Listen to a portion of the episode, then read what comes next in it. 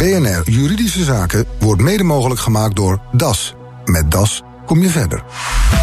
BNR Nieuwsradio. BNR Juridische Zaken. De markt voor juridische dienstverlening die groeit, maar tegelijk hebben juridisch adviseurs en notarissen last van toenemende concurrentie. Bovendien staat het bedrijfsmodel onder druk door de opkomst van digitalisering. Tijd voor juridisch ondernemerschap. Maar eerst naar redacteur Marcelis, want de ZZP'er is in opkomst in het juridisch advies. Is dat zo? Ja, dat is zo. Maar er waren altijd al wel veel uh, eenpitters of uh, ZZP'ers uh, onder de juridisch adviseurs.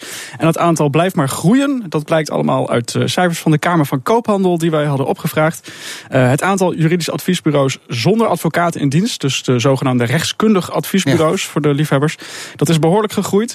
En dat komt vooral doordat steeds meer juristen zich als eenpitter vestigen. sterker nog, 90% van de nieuwe kantoren is inmiddels, ja, was een ZZP jurist dus. En dan heb ik het over de periode 2012 tot nu. Afgelopen vijf jaar. Dus hoeveel bedrijven hebben we het over? Uh, in totaal uh, zijn er op dit moment zo'n 5600 uh, juridisch adviesbureaus. Um, en dan reken ik de parttime ondernemers overigens nog niet mee. En dan wordt het ook dringende markt? Dat uh, zou zeker kunnen. Er zijn in elk geval steeds meer spelers actief, uh, dus de concurrentie die neemt toe.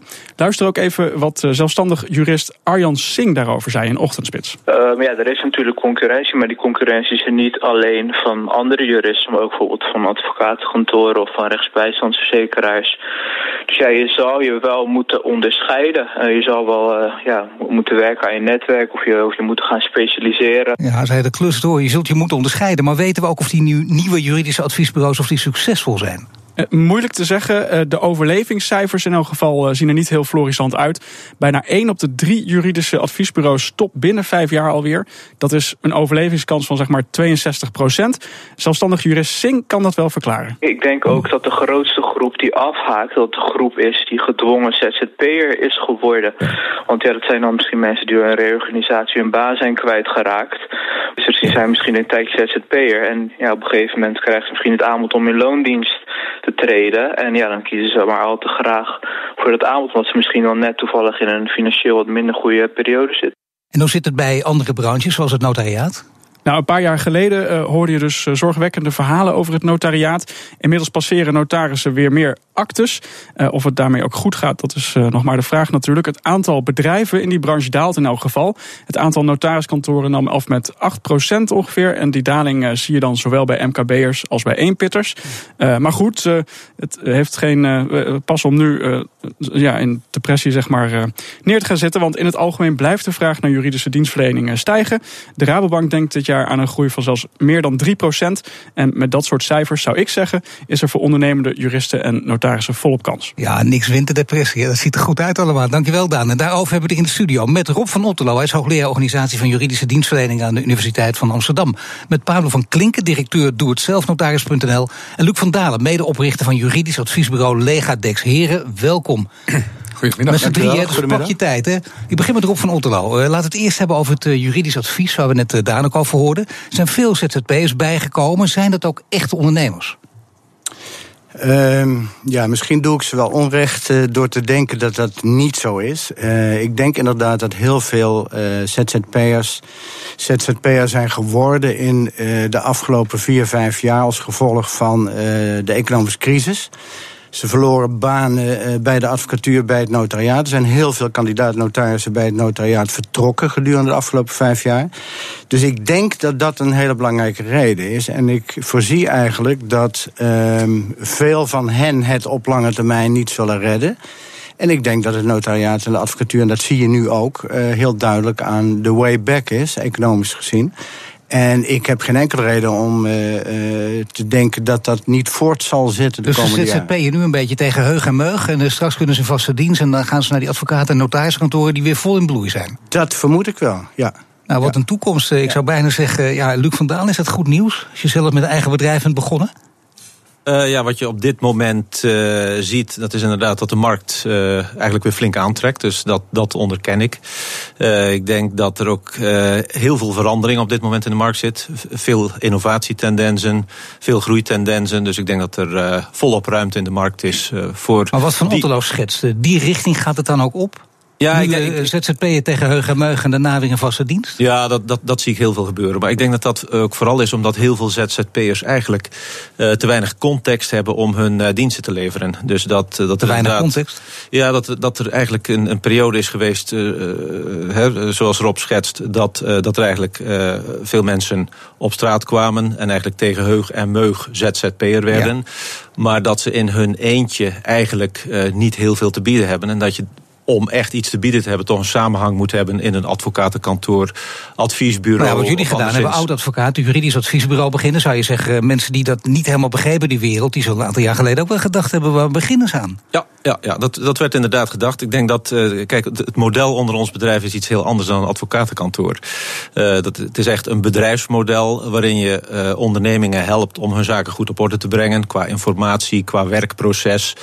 En dat is, iets, uh, dat is iets anders dan het model van de meeste advocatenkantoren. Uh, of binnenstappen als iets misgegaan is, of heel specifiek juridisch advies. Dus ons model is bedrijven helpen om de zaken in de basis goed op orde te houden efficiënt te werken en innovatief ja, te zijn. Dus graag doorgaan bij Legadix. Ook al gaat er straks naar de uitzending iemand bellen en die zegt... nou, eh, Luc van Dalen, kom maar bij ons werken. Dan zeg je nee, niks. Nee, we gaan, door, we gaan door, want dit, dit, dit is uh, een model... Wat in de toekomst, ja, goudmijntje voor de toekomst. Ja, ja geldt absoluut. het ook voor doe-het-zelf-notaris.nl, Papa van Klinken? Ja, dat mag ik wel zeggen, ja. Ook al. ja. Kijk. Ja, Rob van Otterlo zit er ook goed bij om mijn goudmijntjes in de studio. ja. Een goudmijn is iets heel anders nee, natuurlijk. Ja, dan hoef je er niks aan te doen en komt nee. het er vanzelf uit. Nee, zo werkt het niet. Uh, we verdubbelen elk jaar. Dus ja, dat is wel goed tot een. En wat is de reden daarvoor? Omdat het veel makkelijker is en goedkoper. Ik denk dat het voor heel veel mensen. Het is ook de trend natuurlijk. Uh, iedereen wil alles het liefst online doen. Uh, ik denk dat iedereen onder de 40, het maakt niet uit wat hij gaat doen, eerst online gaat zoeken.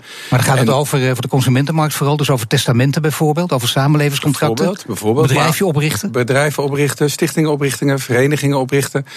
Wij doen uh, 10% van alle stichtingen en verenigingen in Nederland. En hoe reageert de notaris Oude Stijl hierop? Ja, de notaris Oude Stijl, daar heb ik natuurlijk niet heel erg veel contact mee, want die werkt ook niet met ons samen. Dus als ik die aan de lijn heb, dan krijg ik als boodschap dat ze dit geen uh, passend model vinden voor het notariaat. Nee, dat ja. bedoel ik. Dat is eigenlijk notarissentaal voor uh, stelletje klootzak, je kunt de boom in. Dat denk ik, ja. Ik, wil, ja. ik wou het niet zeggen, maar het komt er wel. Nee, ja, ik, ik gooi die dingen er gewoon uit. Hoor. Het, is, het is wel zoiets, ja. ja, ja. ja het, het, is wel vaak van, nou, daar doen we echt niet aan mee. Maar zou je kunnen zeggen dat in deze wereld dus, of in, in, in, in uw wereld... dat het, uh, het ondernemerschap lonend is... en dus uh, misschien nogal meer mensen gaat aantrekken om, om zo te werken? Ik denk het wel. Je ziet natuurlijk... Uh, het, het, ik vind het verbazingwekkend. Wij doen elk kwartaal 1 procentpunt meer van bijvoorbeeld het oprichten van stichtingen. Toen we 5% van alle stichtingen in Nederland deden, dacht ik, nou, we zijn er wel. Maar nu ja. doen we 10%. Dat wil zeggen dat 1 op de 10 stichtingen wordt via ons opgericht. Ja, nou, ja je hoort Rob van Otterlo en die zegt, wacht even, al die advocaten, notarissen die tegen heugenmeug aan het, uh, aan het ZZP'er zijn, die willen graag in vaste dienst. Dat is toch een hele andere categorie mensen. Ja, maar die werken bij mijn notariskantoren, want je moet uiteindelijk wel bij een notaris nog voor die handtekening. Dus, en voor de laatste afronding. Dus wij doen het eerste stuk. En dat doen we helemaal geautomatiseerd. En daar heb je geen mensen voor nodig. Dat en hoe is, dat, is het een groeimarkt uh, waarin u werkzaam bent? Absoluut. Ja, van Otterlo, hij zegt absoluut, maar heeft hij gelijk? Ik denk het wel, maar ik denk dat uh, de notarissen, dat geldt ook voor de advocaten, maar laten we het even beperken tot de notarissen, dat die uh, denk ik steeds meer het high-end werk op gaan zoeken en het advieswerk en specialisatie om op termijn uh, hun diensten tegen een redelijk tarief te kunnen blijven verkopen. Dus je krijgt een, een indeling in de markt, waar Pablo denk ik onderdeel van is. En, en uh, daar zie ik absoluut een toekomst. Maar dat betekent dat het notariaat opschuift naar uh, wat ik dan maar even noem high-end work. Geldt het voor de advocatuur ook? laten we zeggen, dezezelfde richting, ditzelfde patroon? Ik denk dat dat voor de advocatuur zeker ook geldt. het high-end werk dat vereist wat meer tijd, maar ook wat dat, meer service bijvoorbeeld. Dat vereist meer service, vereist meer kennis kennis en meer tijd. En ik denk dat het ook voor, laat ik zeggen, en, en ik doe uh, Pablo niet tekort. Uh, don't nee, alsjeblieft zeg. Maar nee, kom op, hij staat naast je. Ik, ik, denk dat de meest getalenteerde juristen, daar zijn de advocatuur en het notariaat natuurlijk naar op zoek. Die ja. zoeken ook high-end work. Die oh, zijn niet tevreden wij, met. Wij zijn nu net deze Pablo maand begonnen met uh, in plaats van iets heel simpels, iets al moeilijkers aan het, uh, aan het geautomatiseerde systeem toe te voegen. Dus uh, zonder het helemaal juridisch te behandelen, maar kleinkindlegaat, dat zit eigenlijk in de advieswereld waar notarissen van denken, nou dat is best wel ingewikkeld, maar wij hebben het helemaal geautomatiseerd nu, zodat ook middengroepen zo'n soort legaat kunnen gaan maken. En ik denk dat met, met, met de techniek die er nu voorhanden is, dat je een heel eind nog omhoog kan. Want het begon natuurlijk allemaal heel simpel, met allemaal redelijk basic contractjes, maar je kan een heel eind omhoog, hè, want je kan juist met die computer en juist met al die hulp kan je mensen een heel eind helpen op, op trajecten waar ze vroeger helemaal niet op kwamen. Een positieve toekomst dus. En straks, hoe bereidt het notariaat zich voor op die toekomst? BNR Nieuwsradio. BNR Juridische Zaken. We hebben het over juridisch ondernemerschap. De vraag naar juridische dienstverlening die groeit, maar tegelijkertijd ondermijnen nieuwe technologie en toegenomen concurrentie het klassieke bedrijfsmodel. In de studio Luc van Dalen van juridisch adviesbureau Legadex, Rob van Otterlo, hij is uh, hoogleraar, en Paolo van Klinken is van doehetzelfnotaris.nl. Ik begin met uh, Van Otterlo wederom, het notariaat. Hè, want uh, die sector kent u goed als ik goed ben ingelicht. U bent ook uh, adviseur bij een landelijk netwerk van notarissen. Ook net een tour ja. gemaakt door Nederland ja. om te kijken naar de kwaliteitscontroles bij notarissen. Ja. Wat viel u daarop? Nou, wat mij opvalt is dat alle notarissen, althans degene die ik bezocht heb in het kader van netwerknotarissen, heel erg zich bewust zijn van het feit dat een van de weinige concurrentievoordelen die je kunt creëren in die uh, dienstverlenende markt, is door heel goede kwaliteit te leveren. En ik denk, daar hebben ze ook gelijk in. Ik dus denk, hebben, heel lang hebben ze dat gewoon niet gedaan. Geen goede kwaliteit, want ze dachten ja. Dat hebben ze wel gedaan. Nodig. Maar wat je nu ziet, en, en Luc had het daar straks al over, uh, allerlei digitale uh, innovatie dient zich aan. En notarissen vind ik relatief uh, voorop lopen binnen de traditionele beroepen. Als het gaat ja, maar is het niet om... zo dat ze al roepen van uh, wij gebruiken geen papier meer en dat is een belangrijke innovatie? Is dat uh, nou, een beetje.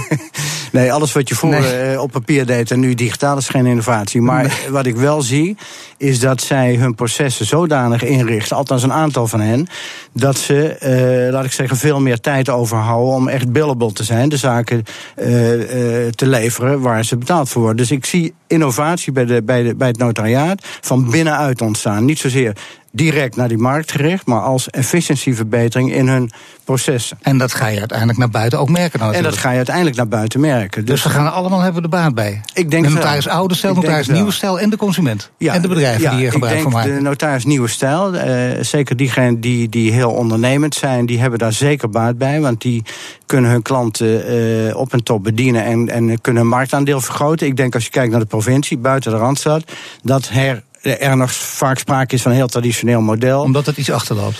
Dat loopt niet achter, dat is een andere klantengroep. Uh, wat minder oh, corporate, wat meer, nou, er niet in. wat meer uh, private klanten. Nee. Dat, dat, ligt wat anders. En ik denk dat voor beide ja. markt is. Nu kijken we naar uh, doe-het-zelf-notarissen. En dan zien we dat uh, Pablo van Klinken met zijn doe-het-zelf-notaris... ongeveer 10% van de markt, geloof ik, in handen heeft. En uh, wat, wat, hoe, hoe ver kan dat dan nog reiken? Want we hebben het over groeimarkt, maar in groeimarkt dan denk je, ja, dan denk je bol.com, uh, Coolblue, ja, dus ja. je gaat naar 90% toe? Nou, ik denk, nee, ik denk geen 90%. Maar een voorzichtige schatting zou uh, aan mijn kant zou zijn dat zo'n model uh, wel in staat is om 20% van de markt uh, te pakken. Dat denk dat ik wel. Voorzichtig, maar aan de andere kant wel een verdubbeling. Ja, ja, daarom. Ik ben blij. Daar gaan jullie maar vanuit ook, ja. Nou, ik ben ooit hiermee begonnen, of ik heb het overgenomen in 2014. Nadat ik het Amerikaanse Legal Zoom, toch wel een best wel bekend bedrijf, bekeek. En die doen één op de drie bedrijven die in Amerika worden opgericht, wordt door Legal Zoom opgericht. Nou, dus dat is in principe uh, in Nederland ook mogelijk. Want waarom zou het hier anders zijn dan daar? Dus uh, ik denk dat dat uh, bij het oprichten van bedrijven bijvoorbeeld. Ja, ik vraag even, heel veel dingen zijn wel, dat weet ik niet. Maar de, uh, van Otterlo, is het zo ik, dat ik, Nederland en Amerika vergelijkbaar zijn? Ik, ik denk het niet. Ik denk dat Nederland wat dat betreft, als het gaat om juridische dienstverlening, veel, veel behoudender is dan de Verenigde Staten. Dus ik denk ook dat de MKB-klanten, met name. Uh, en niet de, niet de grote corporates, maar de MKB-klanten ook, ook traditioneler zijn. Dus veel meer nog naar die traditionele notaris Had ik al een beetje gedacht, maar geldt het ook voor de, voor de advocatuur? Voor uh, merk juridisch adviesbureau Legadex, Luc van Dalen, merken jullie daar wat van? Uh, van dat nou, conservatisme? Ja, wat, wat we merken, het is een conservatieve sector. Uh, dat is ook wel enigszins begrijpelijk, want juristen willen het gevoel hebben dat ze alles zeker weten voordat ze iets adviseren aan een klant. Oh ja. Dus dat, dat, dat zit er ook in. Maar ik denk dat er ook een pijnpunt zit.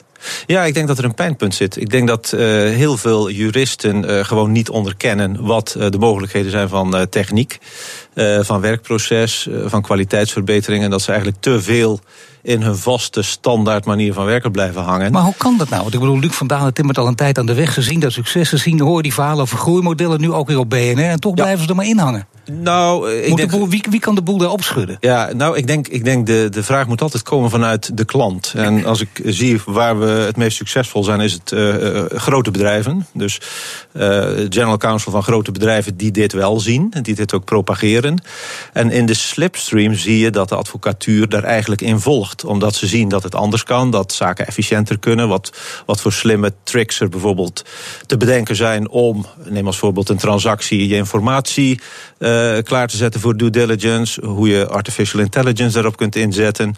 Maar ik denk, de, je vraag, uh, waar begint het? Uh, dat is het bedrijf zelf.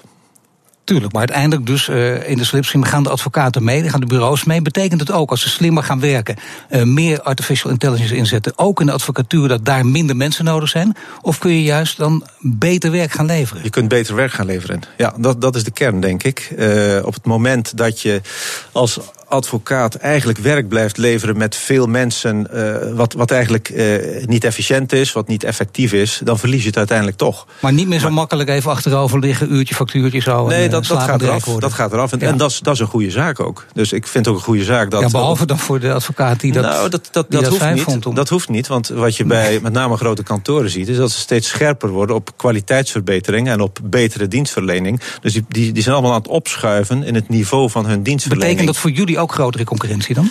Uh, nee, dat is, dat is voor ons een voordeel. Want je ziet oh. steeds meer in relatie tot uh, de advocatuur dat we steeds meer wegbereider zijn voor de advocaten om zaken beter te kunnen doen. Omdat, omdat ze hun informatie goed, uh, goed aangeleverd krijgen, omdat het uh, voorgerubriceerd is, omdat het doorzoekbaar is, omdat ze de verbanden kunnen zien. Dus ze kunnen veel makkelijker uh, een hoge kwaliteit diensten verlenen aan, aan de cliënt. Een wereld die, die ook deze wereld stevig in beweging, maar toch het klassieke notariaat, klassieke advocatuur misschien. Jullie mogen alle drie daarop reageren. Kijk maar wie het eerst, wie het eerst komt nu. Bestaat dat nog over tien jaar als wij ja, dan weer absoluut, een afspraak hebben? Absoluut, zonder enige twijfel. Zonder enige twijfel. Uh, dus zelfs, een factuurtje achterover liggen slapend rijk worden. Dat zelfs over nog. 50 jaar bestaat dat nog. En misschien wel over 100. Ja, ook het notariaat. Uh, ook het notariaat. ja. uh, omdat wij in Nederland toch erg hechten aan goede juridische afdichting van problemen. En ik zie niet in dat dat gaat veranderen. Wat Luc schetst is absoluut waar.